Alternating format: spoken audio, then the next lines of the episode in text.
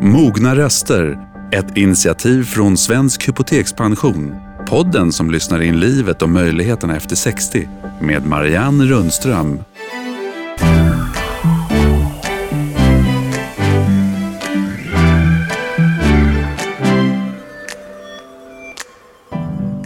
Hej och välkomna! Ja, snart har ju 2022 gått.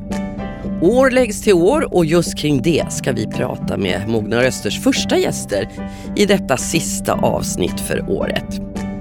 Ni ska strax få möta de bägge männen som under sina många promenader pratade nära och ingående om hur det är att vara man och gå in i det som kallas den tredje åldern. Samtal om åldrande, relationer, potens, ekonomi, hälsa, ja allt det som utgör livet i en helt ny fas.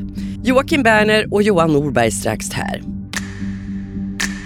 Och det där är ju saker som män kanske sällan pratar om.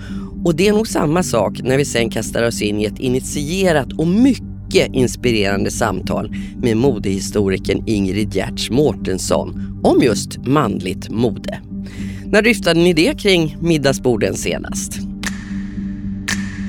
Vi möter också idag digitanten som ska prata om bank-id. Det där är många som tycker är krångligt.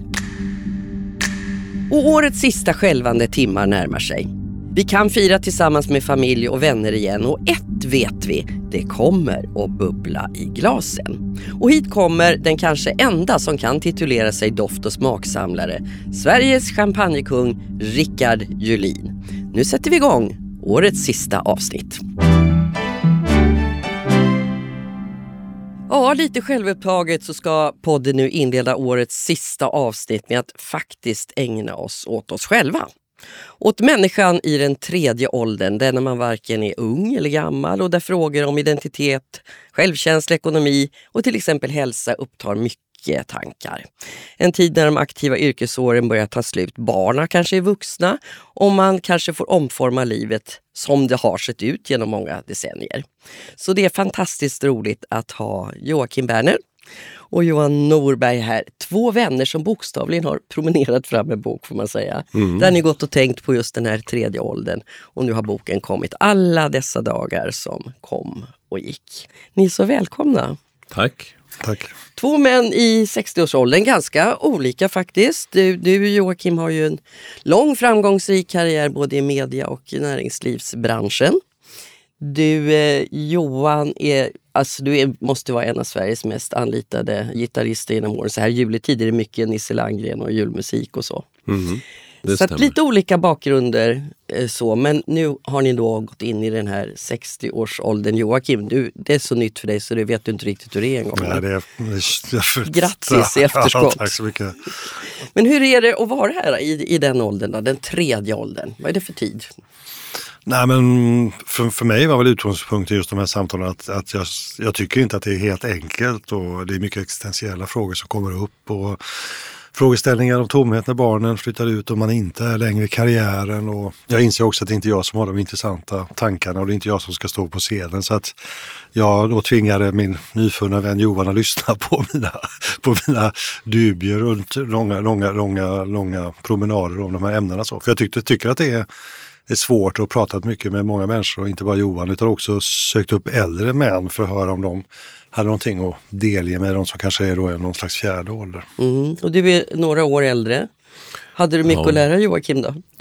Alltså vi är rätt olika faktiskt på, eh, på alla sätt faktiskt. Eh, vilket jag tror är bra för boken. Vi håller inte med varandra om allting. Jag, jag tycker ju att eh, livet är på sin absoluta höjdpunkt just nu som 63-åring. Jag tycker att allting är toppen och jag eh, grubblar inte över någonting egentligen. Och jag tycker att jag har de bästa idéerna. så jag, där har vi, det här har vi liksom nött och stött eh, och blött eh, i under de här promenaderna som inte alls planerades för att göra en bok utan det var bara för att vi tyckte det var kul att vara ute och gå. Och sen kom Joakim med den briljanta idén att vi kanske ska skriva ner de här samtalen och det vi har kommit fram till. I, i de fall vi kommer fram till någonting, ibland blir det bara lösa funderingar som får hänga i luften. Men, men det här att ni är så olika, både bakåt men samtidigt också väldigt olika omständigheter nu. Alltså, du har, håller på att växla över till dina barn, familjeföretaget och, och de har flyttat hemifrån som du sa. Du Johan har fortfarande tre barn hemma. Mm. En i lågstadiet, så det, det, kommer du att få leva med ganska länge. Betydligt yngre fru. Alltså, du, det här att, att gå in i en helt ny fas, det är inte så himla aktuellt för dig. Nej, jag tror att man påverkas ju mycket, alltså självbilden påverkas ju mycket av vad man helt enkelt gör när man stiger upp. Om man vaknar varje morgon vid halv sju, väcker barnen, gör frukost, eh, följer barn till skolan. Då ser, min självbild blir ju lite bedräglig. Jag upplever mig själv som en person som följer sina barn till skolan helt enkelt. Och då blir ålders eh, bilden lite lömsk. Jag, jag fuskar väl lite 15-20 år i huvudet någonstans. Om man nu ens gör det. Jag tänker inte riktigt på det. Och samtidigt så, min, min fru är också yngre. Det i sig får inte mig att känna mig ung. Men jag tror det är det här med barnen. Att jag, jag hinner aldrig känna efter om jag om jag är lite trött och jag ska upp ur sängen eller om jag är seg i lederna eller så. Det är så mycket som ska göras hela tiden så att jag har inte riktigt de tankarna. Mm. Men du fick väl en tankeställare när du, du blev lite sjuk och då kom det väl ikapp dig lite grann? Ja, precis. Mm.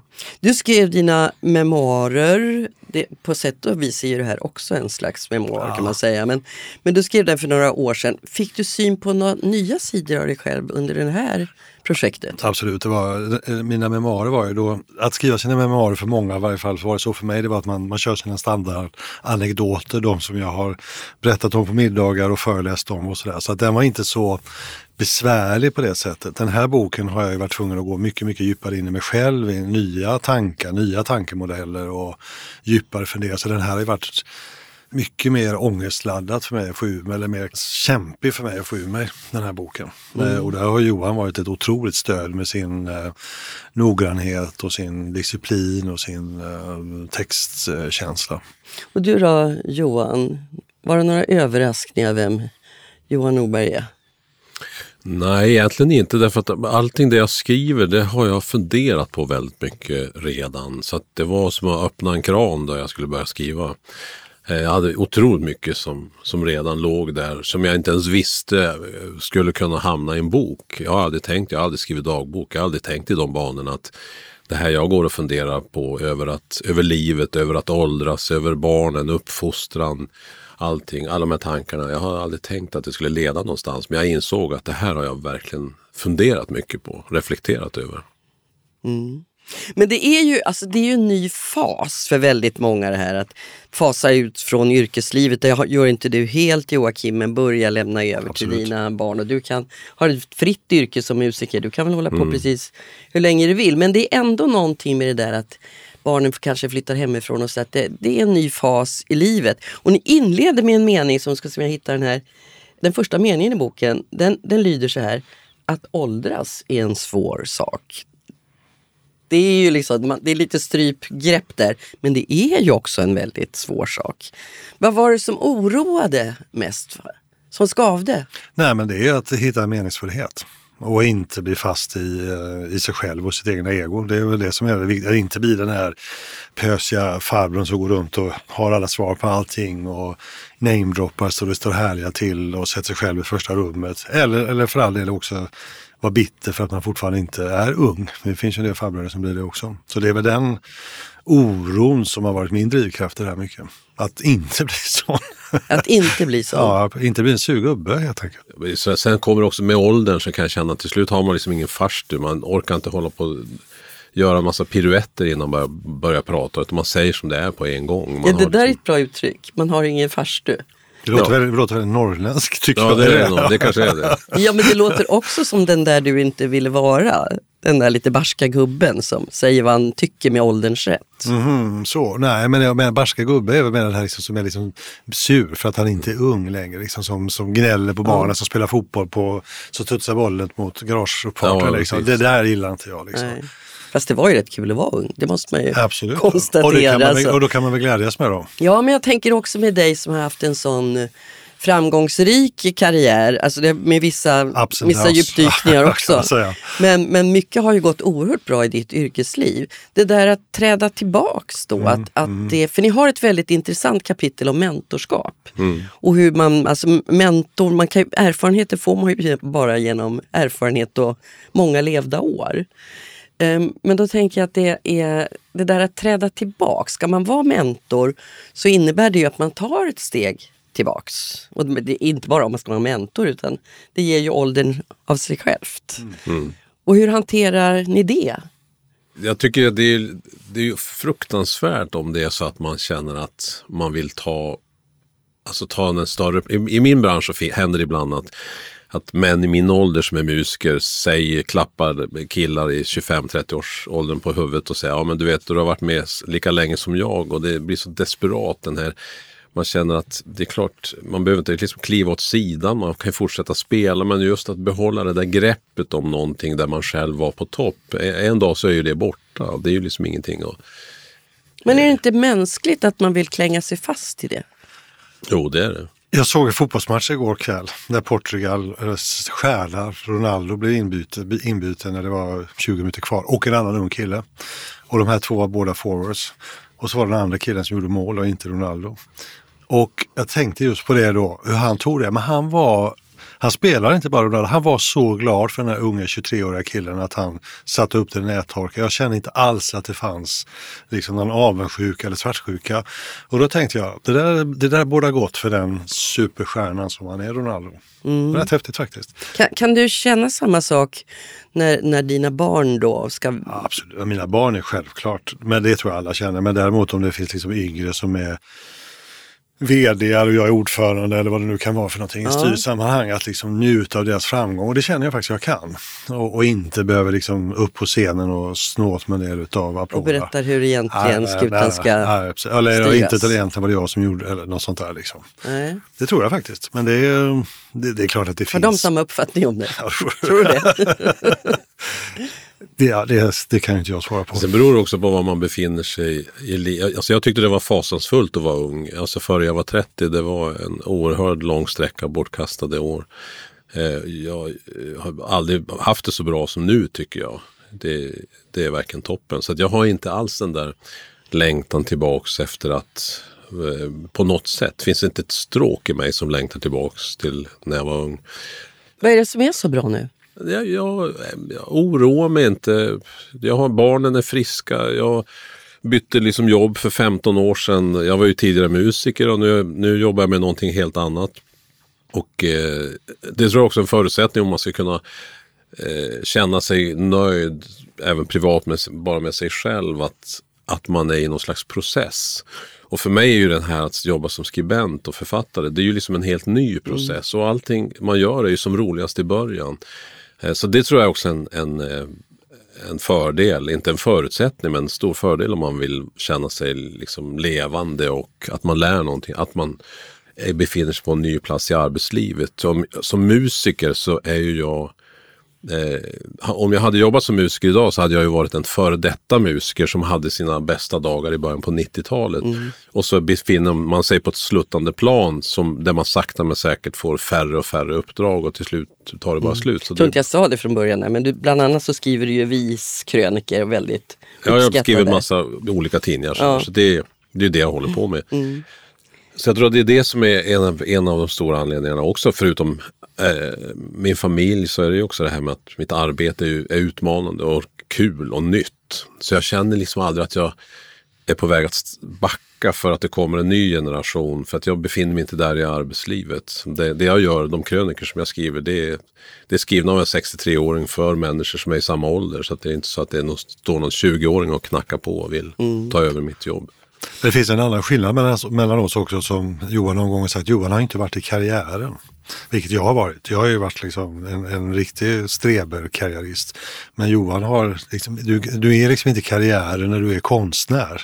Du håller på med det du gör och försöker göra det så bra som möjligt. Men det är inte, du har uttryckt det någon gång så att man blir liksom inte eh, förste gitarrist och vice vd-gitarrist utan man är... Förste violinist Ja, man det kan, bli. ja, kan möjligen då. Men, men det är inte Nej, men liksom... jag, som gitarrist, man blir, jag blev kompgitarrist när jag var 20 år och sen fortsatte jag med det i ytterligare 40 år. Mm. Så det, det hände inte så mycket, sen varken statusmässigt eller lönemässigt. Så det är liksom ingen karriär riktigt kan man säga. För då, karriär betyder ju att man på något sätt avancerar i, i status och lön. Men Ja. det, det gör man inte så Du, du beskriver ju också hur du ganska metodiskt eh, försöker hålla det här åldrandet och den där kaxiga personen på avstånd. Alltså du, du yogar och du, du gör det och du har eh, ju eh, en roll i, i Contempel. Ja, det hade jag. är- Jag är aktiv, jag är aktiv inom Katarina. Jag är. Ja, kyrka ja, precis. ska vi säga. Ja, precis.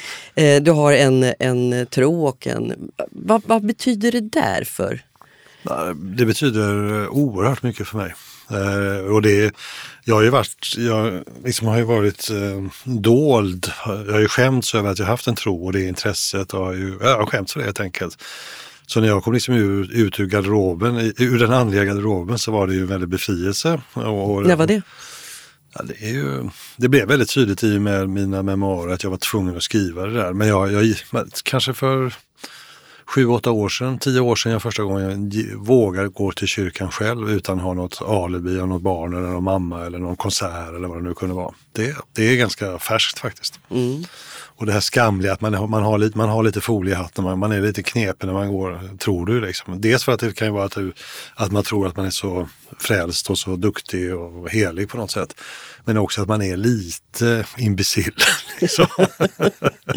Fast det är ju i, i den här åldern, 60 plus, eller tredje åldern, den sträcker sig betydligt högre upp Absolut. också. Men då, då kan ju också det här med döden bli en följeslagare. Ja. Mm. Folk blir sjuka och dör omkring. Och det, Man har det i medvetandet på ett helt annat sätt. Kan du Johan, kan du bli avundsjuk på den där tron som Joakim har lutat sig mot? Nej, nej, absolut inte. Jag känner mig...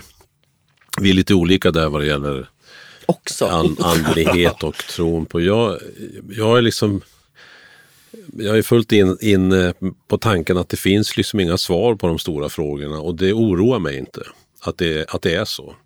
Joakim, eh, för honom blir det här ett grubblande att kanske söka svar på ett annat sätt. Jag, jag kan inte säga att jag inte tror, jag kan inte säga att jag tror. Det, det är ingenting som jag grubblar över helt enkelt. Jag accepterar att det, är, att det inte finns svar på alla frågor och så är det bra med det. Så det, där är vi väldigt olika.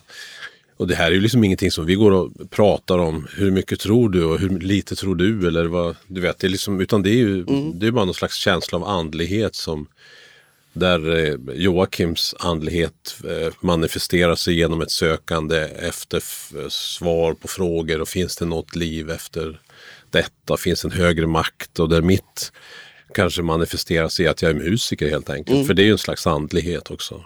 Mm, absolut, att du får utlopp på ett annat sätt. Liksom. Men, men jag tänker också Joakim att du, du är väldigt konkret på ett sätt när du, för du, du verkar hantera det här med att bli äldre och kroppens förfall och sånt där lite mer metodiskt. Så. Och en sak som du skriver någonstans, minns jag inte exakt hur du uttryckte det, men det var så att jag försöker att varje dag göra tre, var det meningsfulla saker? Att försöka göra saker som känns meningsfulla. Liksom. Mm. Det där tyckte jag var ett sånt där råd som man verkligen kan ta till sig. Och Om man summerar dagen på det sättet så blir det ju väldigt... Och jag kan säga att gör du, om man tänker sig att man ska försöka göra tre meningsfulla saker om dagen så förändrar det ditt liv radikalt. Kan jag. Ja. Men vad, hur bedömer du då meningsfullt? Kan det vara en, att man ses över en kopp kaffe? Ja, för mig, är det- ja, det, här, det här gör jag för att det ska vara meningsfullt för mig och för andra. Liksom. Mm. Och det är ju, liksom, det är ju egentligen ett, man, man efterlyser någon slags initiativ. Så.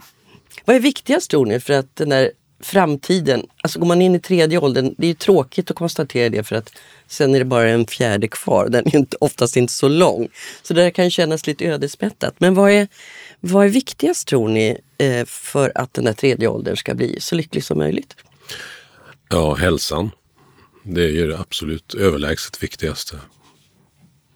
Det finns liksom ingenting som kan vara i närheten av det. Har man hälsan så har man ju plötsligt en hel palett av saker som är möjliga. Men utan den, det kan ju, kan ju vara ganska små eh, problem med artros eller vad som helst som kan göra livet ganska hopplöst. Men eh, hälsan, och det är ju för mig som har så pass små barn så är det också en, en slags plikt emot mig själv att jag håller på och springer och springer och springer och löptränar för att jag, jag, är, jag är bara tvungen. För att jag måste hålla mig vid liv. Och jag måste inte bara hålla mig vid liv utan också i någon slags form som gör att jag kan vara eh, en pigg och glad och inspirerande make och Väldigt pappa. positiv motivation ändå. Ja, det är väldigt positiv. Men jag tänkte på det ni sa om, om just tre meningsfulla saker. Så det, eftersom jag har mina dagar är så fyllda av rent praktiska göromål hela tiden eh, med min familj. Så vi gör ju, då vi sitter och äter middag tillsammans så gör vi ändå en slags daglig genomgång och då blir det lite grann motsvarande eh, Eh, en, en sammanfattning och vi säger saker att ja, men dels är det veckan som kommer, vad som händer nu, har ni några prov eller några läxor eller och sen ofta att eh, jag och min fru, vi är in till gränsen att vi blir tjatiga men vi säger nästan varje middag att vad vi är lyckliga över att vi har er, våra fina barn. För det är vi så otroligt tacksamma över. Och det tror jag är viktigt att hänga upp som en krok i minnet att säga att man är lycklig och säga det inför sina barn. Jag, jag tror det finns med i boken också att, att det kan vara nästan viktigare att till exempel säga till sin partner att man är lycklig än att säga jag älskar dig. Eh, därför att är man lycklig så innefattar det ju liksom allt på något sätt. Och motsatsen är också lika viktig, att gå omkring och säga att man är djupt olycklig utan att verkligen ta tag i det. Det sårar ju ens partner enormt. För man vill ju inte vara ihop med någon som, som säger att den är olycklig.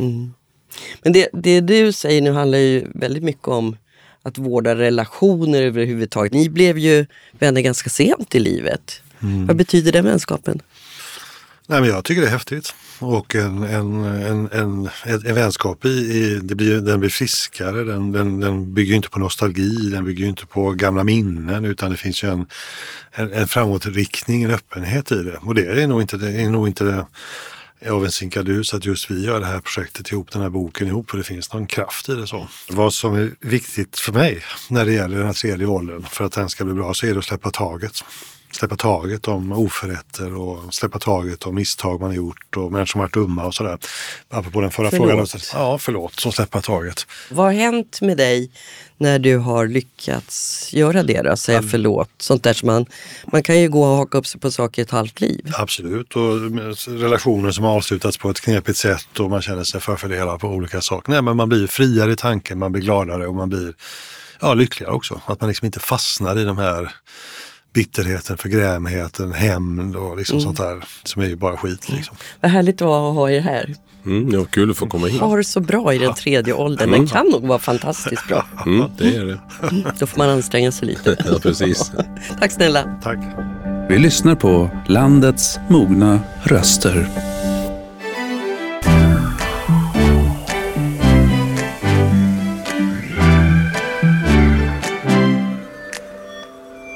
Ja, kläderna gör mannen. Ett kanske lite slitet uttryck som kanske inte dagligen och stundligen möter verkligheten utan kanske snarare är det så att den halva delen av mänskligheten som utgörs av män förväntas vara rätt ointresserade av vad de har på sig och liksom försvinner in i den mörka kostymmassa som kan förta en hel del av personligheten faktiskt. Manligt mode toppar sällan medier men nu kommer ett riktigt praktverk där modehistorikern Ingrid Gertz Mårtensson tar med oss på en makalös resa om hur det manliga modet utvecklats 600 år tillbaks i tiden. En bok fylld av stilfullt manligt mode, broderier, färger, skjortar och välskrädda kostymer. Och nu är du här. Varmt välkommen Ingrid. Tack Vi är Marianne. så glada att du är här. Tack. Nu måste vi nästan knyta an lite grann här kanske till Johan Norberg och eh, Joakim Berner som ju har varit här och pratat om sin tid i 60-årsåldern, den tredje åldern. Och då pratar de ju också en hel del om hur mannen i 60-årsåldern bör vara klädd. De säger i alla fall att det handlar om passform, passform, passform. Håller du med det? Är de på rätt spår? Under seklens gång har det naturligtvis varit eh, en annorlunda syn på hur mannen ska klä sig och delvis har då ska vi säga kraven, önskemålen varit att just passformen har varit det viktiga. Och ser vi på det här absolut mest väsentliga historiska plagget i mannens garderob som ju är kostymen som har funnits egentligen i olika former sedan 1400-talet. Det talar också den här boken om. Så ser man naturligtvis att där har passformen varit en väldigt viktig del. Och det är det fram till idag när man då ser hur i det fortfarande existerande skrädderiet, alltså måttbeställda och framförallt skräddarsydda så är det ju A och O. Men det finns ju också en del av herrmodet idag som är absolut motsatsen. Mm. Som är det här väldigt okonstruerade, som är det lediga, som är det här som män idag tar på sig därför att de tycker att det är skönt och bekvämt. Kanske fortfarande också därför att det är väldigt funktionellt. Mm, jag blev nästan lite full i skratt när de pratade om passform. För jag tycker att när jag tittar mig om på gatan och möter män, oavsett ålder eller var de kommer ifrån, eller ska gå till för all del, är ju väldigt ofta klädda i ja, det som mest liknar träningskläder. Mm. Trikåer som avslöjar både mm. det ena och det mm. andra, sneakers på fötterna. Mm. Är det så att funktionen har tagit över? Kanske inte tagit över men spelar större och större roll tror jag. Och med funktion kan du också säga bekvämlighet. Och där har du ju det här som du själv talade om, det här mjuka plaggen och så vidare, där alltihopa, det ska kännas bra på något sätt. Du ska inte glömma hur mycket det här har förstärkts under pandemin. Där ju vi som människor, både män och kvinnor, mer eller mindre satt instängda. Och då i den mån vi träffade någon, eller framför allt om någon skulle synas i tv eller något sånt där, så var det ju egentligen, du kunde ha på dig vad som helst, eh, liksom från midjan och neråt. Och när du gick hemma så gick det ju väldigt mycket sådär ledigt överhuvudtaget. Så den typen av plagg har ju vuxit fantastiskt, även internationellt. Och det har att göra därför att vi vill känna oss bekväma. Och det bästa exemplet på det, det är ju att titta på allas fötter. Mm, precis. Det, det, är ett snällt skomode nu måste man säga. Det är snällt mot fötterna. Fast faktiskt den nästan vackraste bilden tycker jag i din bok, bland väldigt många vackra bilder, är faktiskt den där Churchills jacka som han bar. Jag tror att han skulle sväras in som kolonialminister mm. eller något sånt där. Mm. Stämmer det? En fantastiskt vacker broderad paraduniform. Paraduniform ja. ja. Innan vi går vidare, du har faktiskt träffat honom har faktiskt gjort det, till och med varit hemma hos honom. Men det var inte du som rådde honom? För han blev ju en modeintresserad, en väldigt väl medveten man om vad han bar för kläder. Jag var bara 14 år när jag, när jag hade den stora då, eh, eh, vad ska vi säga, lyckan att få komma hem till honom i ett sammanhang. Men i alla fall absolut inte. Han var ju, ärvde ett intresse för kläder från sin far och använde också därför samma skräddare, Henry Poole i London, som jag också skriver om i boken. Mm. Men hur klär sig mannen då som likt Churchill vill visa på att han har makt och inflytande idag? Det varierar ju väldigt mycket från kultur till kultur, från land till land och från, ska vi säga, naturligtvis framförallt eh, samhällsposition till samhällsposition. Det finns ju vissa eh, avdelningar i samhället som fortfarande är extremt strikta. Om du tar hela den högre, ska vi säga, eh, delen där, om du kallar det för högre citationstecken. Politiker, högre ämbetsmän, ska vi säga många som arbetar inom juridik och även affärsvärlden och så vidare. Ganska strikta linjer. För övrigt så blir det ju mer och mer ändå fritt. Det är ju väldigt ofta som du inte ens ser en man ha slips, även om han har kostym och vit skjorta.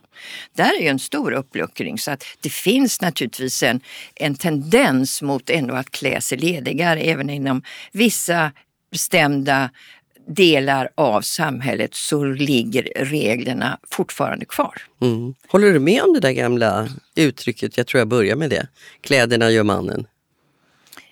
Ja, i så fall gör väl kläderna kvinnan också. Skulle jag vilja säga. Mm. Det är ju inte bara mannen, men det där är ju ett, jag skulle uppfatta det som ett gammaldags uttryck. Jag vet inte när det är myntat. Vad kan det ha varit? Någon gång på Ingen kanske 1900-talet, lite mitten eller något sånt där. Jag kan inte svara på det. Jag tycker inte att det stämmer för jag skulle vilja säga att kläder mycket kort bara, jag uppfattar ju det som ett väldigt stort kulturuttryck mm. därför att det säger så mycket om oss.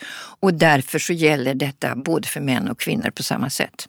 Det där är intressant, jag tänkte nästan fråga dig, alltså, är det mode vi ska prata om eller vi pratar om eller är det faktiskt i hög grad en kulturyttring? Båda delarna. Därför att mode är en kulturyttring, precis som musik är det, konst är det, litteratur är det och så vidare. Och det var ju därför som jag var så väldigt intresserad av att få in det också som akademisk del av humaniora, nämligen att man kunde studera det. Mm. Och min, min, min, min anledning till att jag tycker detta och även fick då igenom det som akademiskt ämne, det är ju att det faktiskt är en av de viktigaste sätten för oss som individer och människor att uttrycka vår personlighet. För mm gör det varje dag, hela vårt liv, till, från det vi börjar att klä oss, så gör vi det. Vi kan inte klä oss och sätta på oss någonting utan att vi bedöms av hur vi ser ut. Riktigt eller ej, men människor är ju vana vid att titta på en människa och tänka att ja, ramen säger rätt mycket om dig. Sen kanske man också tänker mera på vem du är när du börjar prata med personen, men ramen säger hemskt mycket. Det vill säga individen skapas mycket genom vad vi sätter på oss varje dag. Men det är ju mycket svårare att identifiera den där individen idag när det kan sitta någon i trikåer och som sneakers vi pratade om eller jeans och, och sneakers till en kavaj eller någonting. Det är mycket svårare att ringa in, vem är det där? Var kommer den personen ifrån? Det håller jag med dig om. Och det beror också på att vi i vårt sätt att lära oss vad samhället säger och vad vi då förväntas uppfattas. Allt det här blir ju så oerhört mycket mera mångfacetterat idag också. Genom att allting, så detta brus av hela kulturen och alltihopa händer så väldigt mycket. Så det är inte så lätt längre. Men idén finns kvar att när du klär dig på morgonen så sätter du på dig ett sätt att säga så här vill jag vara, så här vill jag bedömas, även om du inte tänker på det. Mm. Eller jobbuniformen eller så. Ja, Precis, Precis just det. Ja. Precis som du talade om tidigare, alla mm. dessa män som tycker de måste ha en kostym på sig, en vit skjorta, kanske till och med slips. Men den där kostymen, den, alltså man kan ju förundras lite över eh, hållbarheten där. Den har funnits i, som du var inne på själv här, i flera hundra år. Men just nu så lever vi ju i en oerhört individualistisk tid. Då skulle man ju snarare kunna tänka sig att, att männen valde väldigt personliga kläder som inte alls, ingen kavaj och mycket färg och sådär. Men många fler män gör ju det också. Absolut, det är en extremt mycket större, inte bara frihet utan naturlighet i detta. Och det talar ju också den här boken då, Manligt mode, en okänd historia, ganska mycket om. Att jag skulle vilja säga att den här boken egentligen handlar om maskulinitet och hur bedömer bedöms mannen idag, det vill säga hans sätt att uttrycka sig, att vara man. Och det har ju varit ett otroligt olika sätt att se på det genom århundradena. Mm. det är fantastiskt intressant hur det har förskjutits fram i nutid när vi nu i vårt sista, sista kapitel talar om det här vi kallar för en ny man och hur samhället då med sin bedömning här, då kommer vi in på allting man ser på normer, könsneutralitet, politik, allting och så vidare, hur vi bedömer kroppen och så vidare. En extremt stor skillnad och det har naturligtvis också avtryck på hur mannen idag klär sig. Mm. Men, men eh, är det lika viktigt att, eh, att se maskulin ut idag? Jag tänker när jag kom in i vuxenvärlden, det var ju då när velourmannen både beundrades och eh, blev väldigt kritiserad också. Men, men idag, är det, är det ett större fokus på att se maskulin ut idag tycker du? Men då måste vi börja ställa frågan, vad är det att se maskulin ut? Mm, vad tycker du? Då är det ju så här att det är ju mycket hur, vi, hur samhället har talat om för oss att en man ska se ut. Jag tycker att den variationen där är så oerhört mycket större idag och så oerhört mycket positiv att det är så mycket större variation. För återigen mycket snabbt, boken talar ju väldigt mycket om det här och du kan ta som kanske en av de bästa exemplen.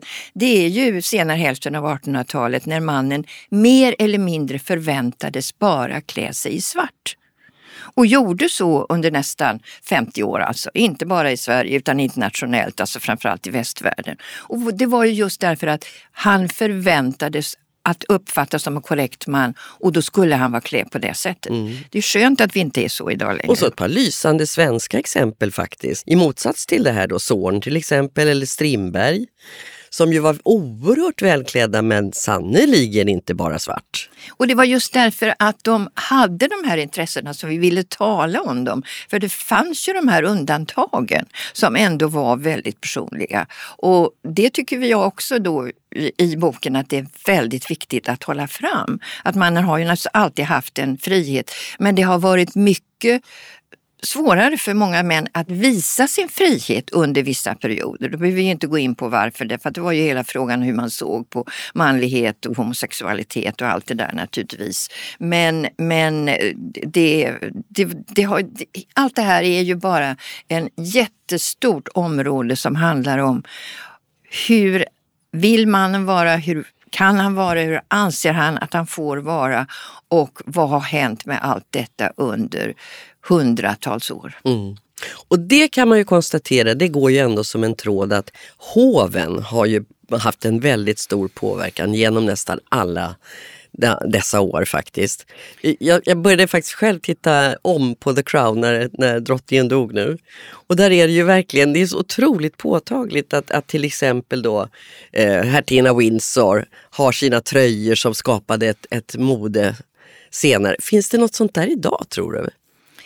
Egentligen inte. Jag skulle vilja säga att den eh, påverkan ifrån, om du talar just om kungliga hov och ja. kungligheter och så vidare, tror jag faktiskt är otroligt mycket mindre idag. Alltså på en väldigt hög nivå finns det kanske i samhället att man har en viss inspiration av det, men inte till närmelsevis så som det var på 14, 15 och till och med 1600-talet när det var hoven i Europa som dikterade modet mer eller mindre.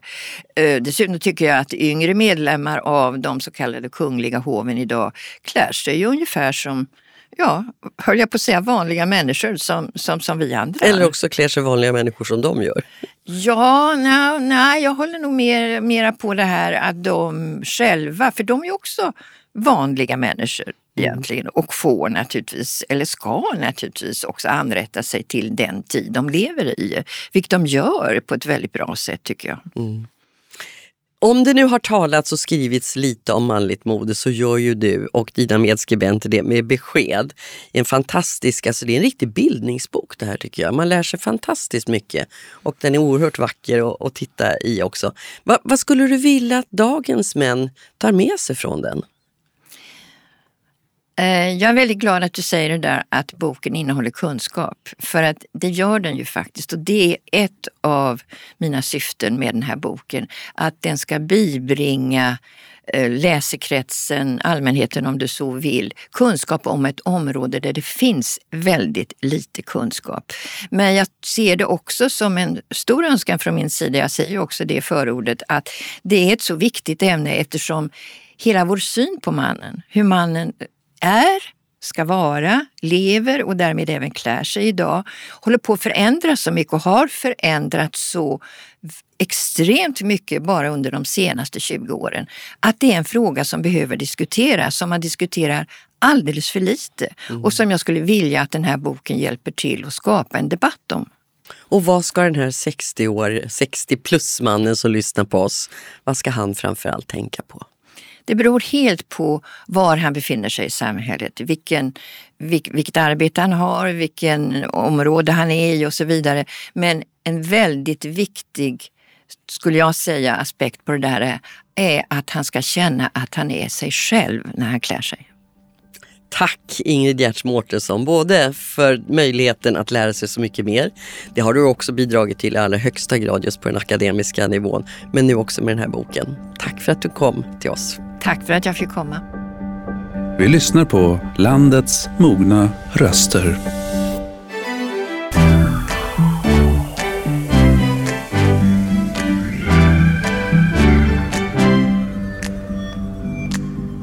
Innan det nu ska nyårsbubbla här i poddstudion så ska vi först låta digitanten räta ut frågetecknen kring mobilt bank-id. Del 3. Öka säkerheten runt ditt mobila BankID Mobilt BankID är idag den absolut vanligaste formen av digital legitimation och används av nästan 90 procent av svenska internetanvändare. Som namnet antyder är detta den mobila formen som du installerar på din smarta telefon genom att ladda ner en app. Bland äldre är det dock något färre som använder mobilt bank-id och när man frågar varför så är de vanligaste svaren att man tycker att tekniken är krånglig, att man inte riktigt vet hur man gör och att man är orolig för att göra fel. Detta gör att man ofta upplever det som lite osäkert att använda en digital legitimation. Men detta kan vi råda bot på. För att börja använda mobilt bank-id behöver du en smart telefon eller en läsplatta och göra två saker. Dels behöver du beställa BankID hos din bank och dels behöver du installera en app. Alla de stora bankerna erbjuder mobilt BankID. Men om du är osäker på vad som gäller för just din bank så är det enklast att antingen googla fram ett svar eller helt enkelt ringa till din bank och fråga hur det ser ut. Vilka krav som bankerna ställer på dig som användare kan också skilja sig lite åt. Men gemensamt är att du behöver ha fyllt 16 år och ha ett svenskt personnummer. Exakt hur du beställer BankID kan skilja sig lite åt. Men en hel del erbjuder tjänsten via internetbanken medan andra kräver ett personligt besök på kontoret. När det gäller säkerheten runt ditt mobila BankID så ska du vara precis lika försiktig med din digitala legitimation som med din fysiska. För visst skulle du inte gå och vifta med ditt körkort precis hur som helst. Tjuvarna har, precis som du, läst löpsedlarna om hur människor blivit lurade på alla sina besparingar via nätet. Det absolut vanligaste är därför att de spelar på din oro för att hamna i samma situation. Här är några viktiga saker att tänka på. 1. Kom ihåg att din personliga kod är en värdehandling. Ha som utgångspunkt att den kod som du använder för ditt mobila bank-id är en personlig kod och att det är bara du och inte ens banken som känner till den. Din kod är en personlig värdehandling och det är precis så som du måste hantera den. Nummer två. Logga aldrig in bara för att någon ber dig att göra det. Det händer att bedragare ringer upp och utger sig för att vara någon annan än de faktiskt är. Som till exempel en banktjänsteman eller någon från Skatteverket. Låt dem inte lura dig att lämna ut dina uppgifter, varken koder eller lösenord. Detta gäller förstås inte bara ditt mobila bank-id utan alla former av lösenord och koder till ditt digitala liv. 3. Lås din telefon när du inte använder den. Lämna aldrig din mobiltelefon och därmed ditt mobila bank-id oövervakat. Tillfället gör tjuven och det kan stå dig dyrt i ett oaktsamt ögonblick. Säkerställ också att funktionen som låser din mobiltelefon när du inte använder den är aktiv så att en obehörig person inte kan öppna dina appar. 4. Var vaksam med e-post. Har du fått mail eller ett meddelande på Facebook från banken där de ber dig att lämna ut uppgifter? Då kan du vara säker på att det är något lurt på gång. Banker skickar inte den typen av mail, så här gäller det att vara extra försiktig. Bedragare är ofta väldigt duktiga på att uttrycka sig och har ofta loggor som liknar bankens med i sina utskick. Svara aldrig på de här mejlen. Klicka inte heller på några länkar och öppna inga bifogade dokument. Skicka istället vidare den här typen av mejl till BankID på en adress som heter abuse.bankid.com och radera därefter det omedelbart. Nu kommer BankID att utreda dem för bedrägeriförsök. 5. Se upp för sociala attacker. Idag finns över 2 miljarder personer på Facebook. Det innebär att det finns även en hel del bedragare här och ofta är de väldigt duktiga. En vanlig taktik är att de utger sig för att vara din vän för att via din godtrohet lura av dig lösenord eller andra uppgifter. Ha som en regel för dig själv att aldrig någonsin lämna ut några uppgifter till någon på Facebook, även om det är en familjemedlem eller en nära vän. Ha också som utgångspunkt att alltid ta misstänkta bedrägeriförsök på största allvar.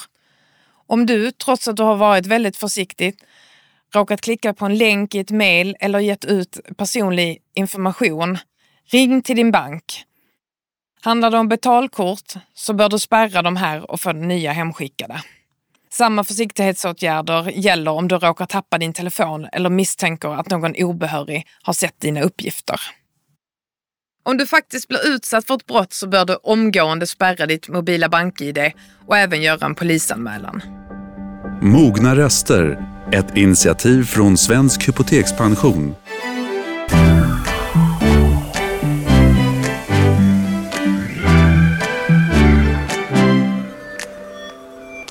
Ja, någon dag innan vi ska hälsa ett nytt år, 2023, välkommen.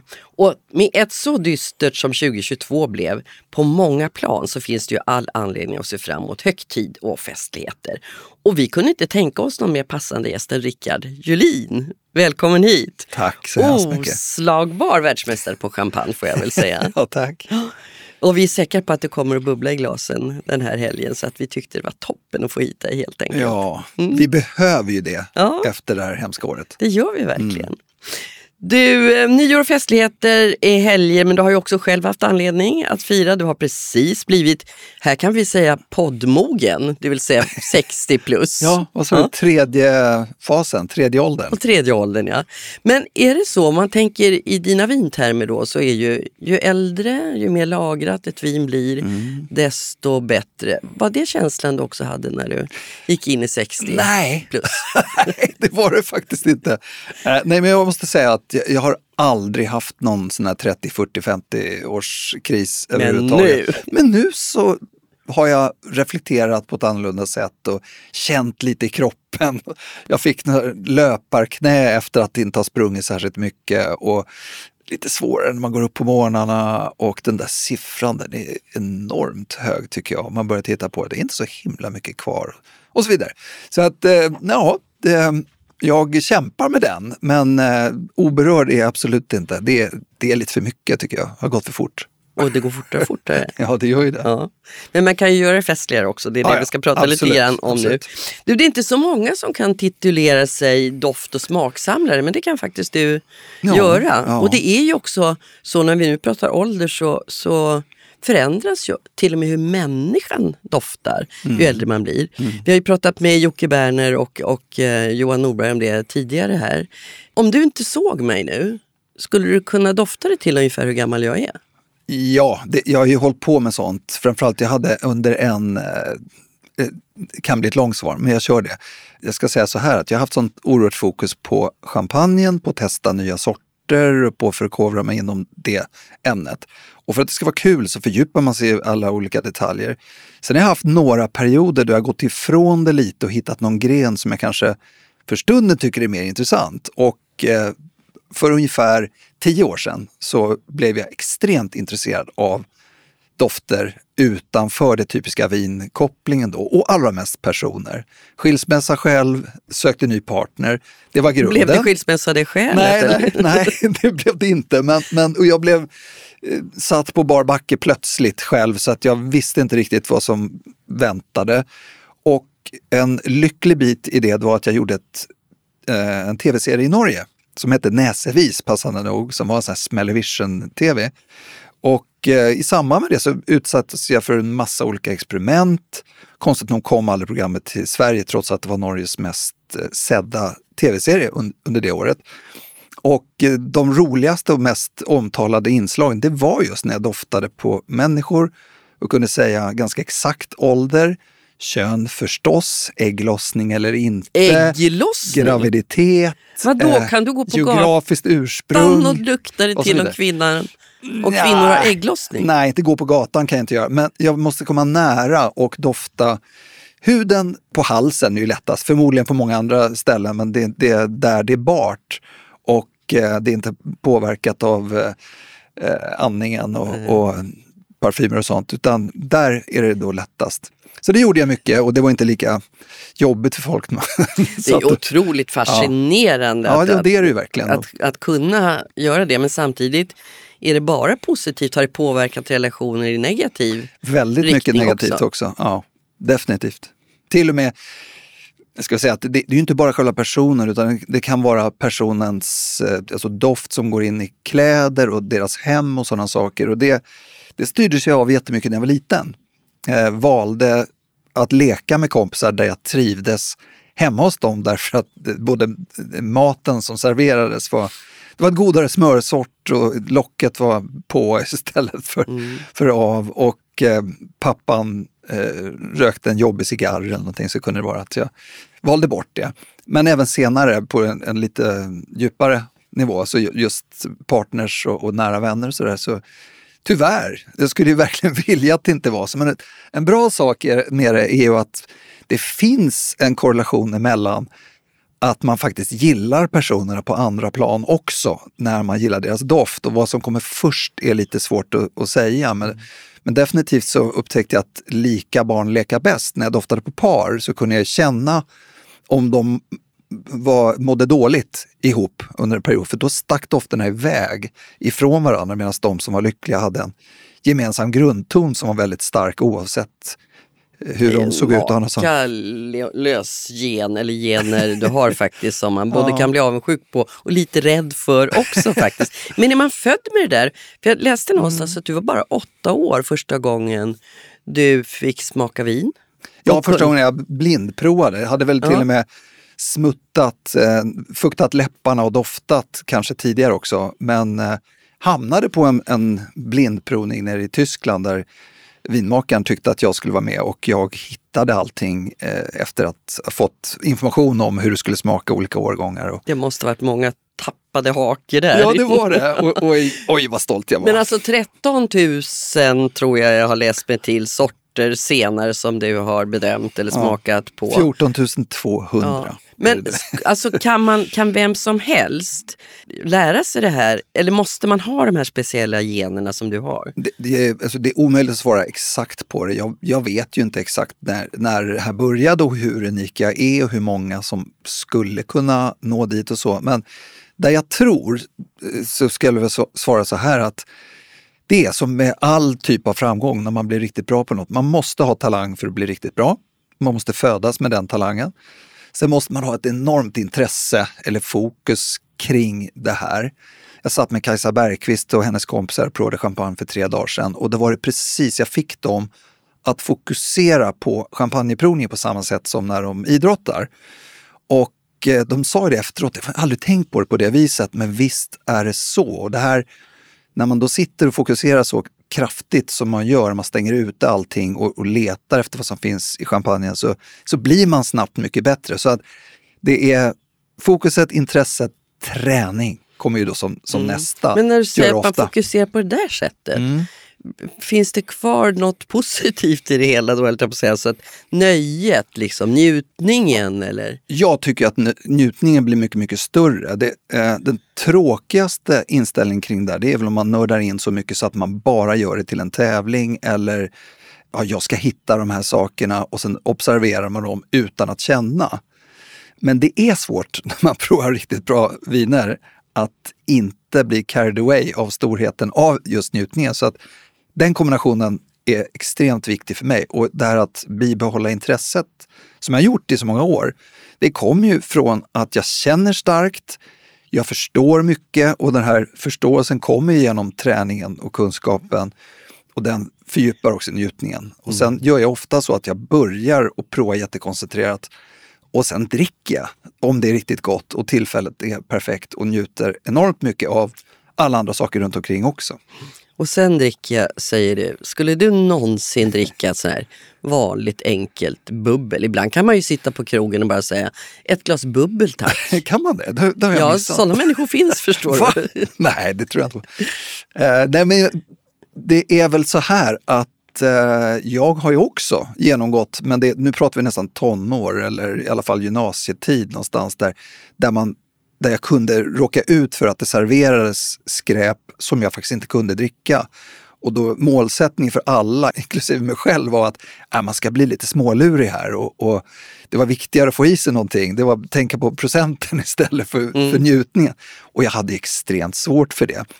Numera så är det väl så, eller om man går tillbaks 10-15 år i alla fall, så var det ganska vanligt att jag kom på pampiga fester. Det kunde vara bröllop och, och Eh, stora födelsedagar och sånt där, där allting är oerhört fint, maten är bra, man är på en vacker lokal och så kommer det värdelösa glas med ett hemskt vin.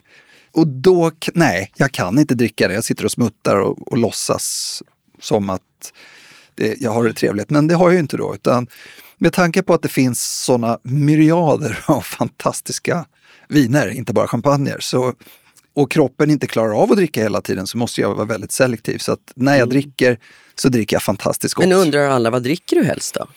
Eh, ja, det är många som und- undrar Är, det. är det det där som kostar 15 000 eller 30 000? Eh, eller? Jag dricker helst kanske, men det är inte hela tiden det. Jag har inte råd att eh, dricka sådana viner till vardags. Men det ganska ofta händer eftersom att det kan vara kopplat till att jag är ute och reser och, och gör ett jobb.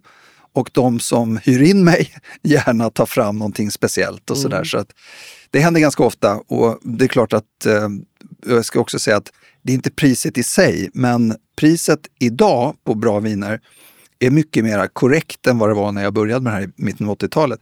Fynden finns inte lika mycket. Kostar det så smakar det. Mm. Samtidigt så dricker vi väl på ett annat sätt. Alltså det här kanske är en generationsfråga. Men i min generation så var det ju champagne eller för all del ett, ett bra bubblande vin från eh, Spanien eller någonting. Då. Mm. Eh, Det var ju när det var, verkligen var fest. Ja. Nu tycker jag att man får ett, ett glas som det bubblar lite i Ja. nästan var man än kommer och vilken tisdag eller torsdag det än är. Det är underbart. Det, det är en av de sakerna jag har Äntligen har folk förstått. Ja, eller? precis. Nej, men jag höll på, om man tittar på min egen karriär, så en av mina viktigaste, viktigaste bidragen till eh, vad som har hänt är att demokratisera champagnen. Det var, det var ett mission som jag fick från start därför att det var en sån extrem snobbism och det var en felaktiga tillfällen, nästan, eller vanligast var definitivt nyårsafton utomhus huttrandes med spikraka glas och, och sånt där. Så att det där höll jag på med länge och jag, båda mina föräldrar eh, var lärare så att jag har det här pedagogiska kallet och älskar att få med mig folk och få dem att förstå. Det här, är, det här ska njutas på ett annat sätt och det här är storslaget. Det tog mig många år, men någonstans strax efter millenniet tror jag att det var, då var det första gången som jag var på en fest och så står jag och pratar med en tjej om champagne och så säger hon, jag gillar inte champagne. Och min normala reaktion, reflexen är att okej, nu får jag stanna här en timme och förklara varför champagne är så bra och lära henne. Och den gången så kände jag bara, nej men vänta, jag struntar i det. Det får vara så, det är tillräckligt många nu som har förstått det här. Om man inte vill ta till sig det så okej då. Någonstans där. Och, och då är jag ju jättestolt över att Sverige har gått ifrån en bortglömd position till att vara tia i världen per capita. Som, eh, eller i totalkonsumtion och trea i världen per capita. Och mycket av det vilar på dina axlar. Ja, en då, hel del ja, faktiskt. Ja. Ja. Men du, när vi närmar oss nyår nu och då det är mycket skalor och sånt där. Passar det verkligen till allting? Kan man dricka champagne? Alltså nu har vi snart alltså, julborden och Mm. sillen. Sill, sill och champagne. Någonstans går väl gränsen? Ja, det, just sill och champagne eh, är underbart, men då måste man gå ner på 70-talet, så det är inga som gör. Så att den allmänna rekommendationen, nej. Kör, kör eh, Vadå, vad Alsace-vin eller 70-talet vadå? Ja, 70-talschampagner som har fått en, en viss... Mm, eh, nu blev sillen djup. dyr. Ja, den blir väldigt dyr. Ja. Men jag hade det på midsommar, så jag råkade testa det en, en sväng. Efter att Anders Röttorp hade rekommenderat eh, champagne tillsammans med matjessill. Och så testade jag några olika sorter och så öppnade jag en 1975 Charles Heidsieck Royal. Och den var helt underbar. Så har jag haft det som tradition på midsommar att jag dricker alltid en champagne från 70-talet i sillen. Men nej, men tillbaks till eh, den viktiga delen av frågan där. Kan man dricka eh, till allting? Nej, det är jättekänsligt när man kommer till, det största felet är sötman. Att man kanske fortsätter att dricka champagne genomgående och avslutar med dessert. Glöm det. det man måste ha en söt champagne. Det finns inga bra söta champagner. Det finns mycket andra viner som är bättre som är söta. Så att torr champagne och till alla förrätter om man undviker den råa löken och man undviker de allra starkaste kryddorna, eh, värsta hettan.